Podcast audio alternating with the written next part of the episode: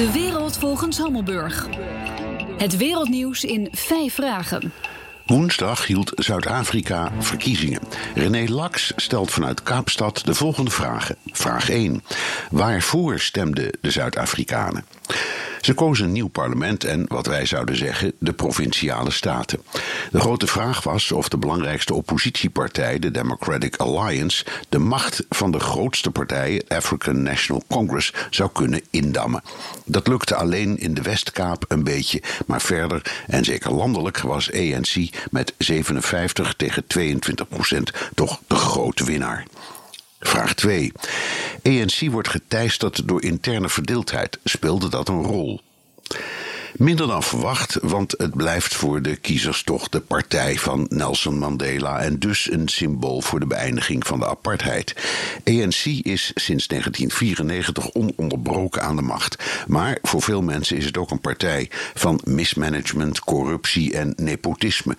Oud-president Zuma moest in 2017 aftreden wegens grootschalige corruptie. Vraag 3. Een groot deel van de jeugd bleef weg. Waarom? Uit protest. Voor jongeren zijn de problemen vaak schrijnend. De werkloosheid is met 27% heel hoog. In veel gebieden is gebrek aan huisvesting en werken, elektriciteit en watervoorziening nauwelijks. De criminaliteit is enorm. De economische macht is nog veel in handen van de witte minderheid. Er zijn vage beloftes gedaan om land van witte af te nemen en over te dragen aan zwarte, net als in Zimbabwe, maar dat is niet gebeurd. Gelukkig maar trouwens. Vraag 4. Kan de huidige president Ramaphosa het land voldoende hervormen?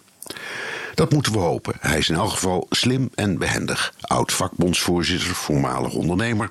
Hij is met een geschat vermogen van 500 miljoen euro een van de rijkste mensen van het land. Maar hij heeft ook opmerkelijke vrienden, zoals de omstreden Venezolaanse president Maduro.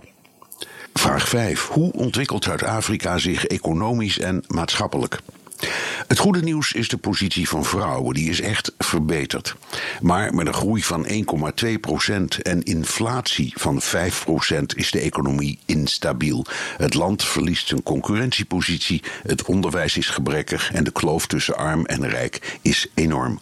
Onder witte is de werkloosheid sinds 1994 nooit boven de 8% geweest. Onder zwarte en kleurlingen nooit onder de 25%. Veelzeggende cijfers. Dank René Lax. In de wereld volgens Hammelburg beantwoord ik elke zaterdag vijf vragen over een internationaal thema. Hebt u een onderwerp? Stuur dan een tweet naar @bnr of mail naar onlineredactie@bnr.nl.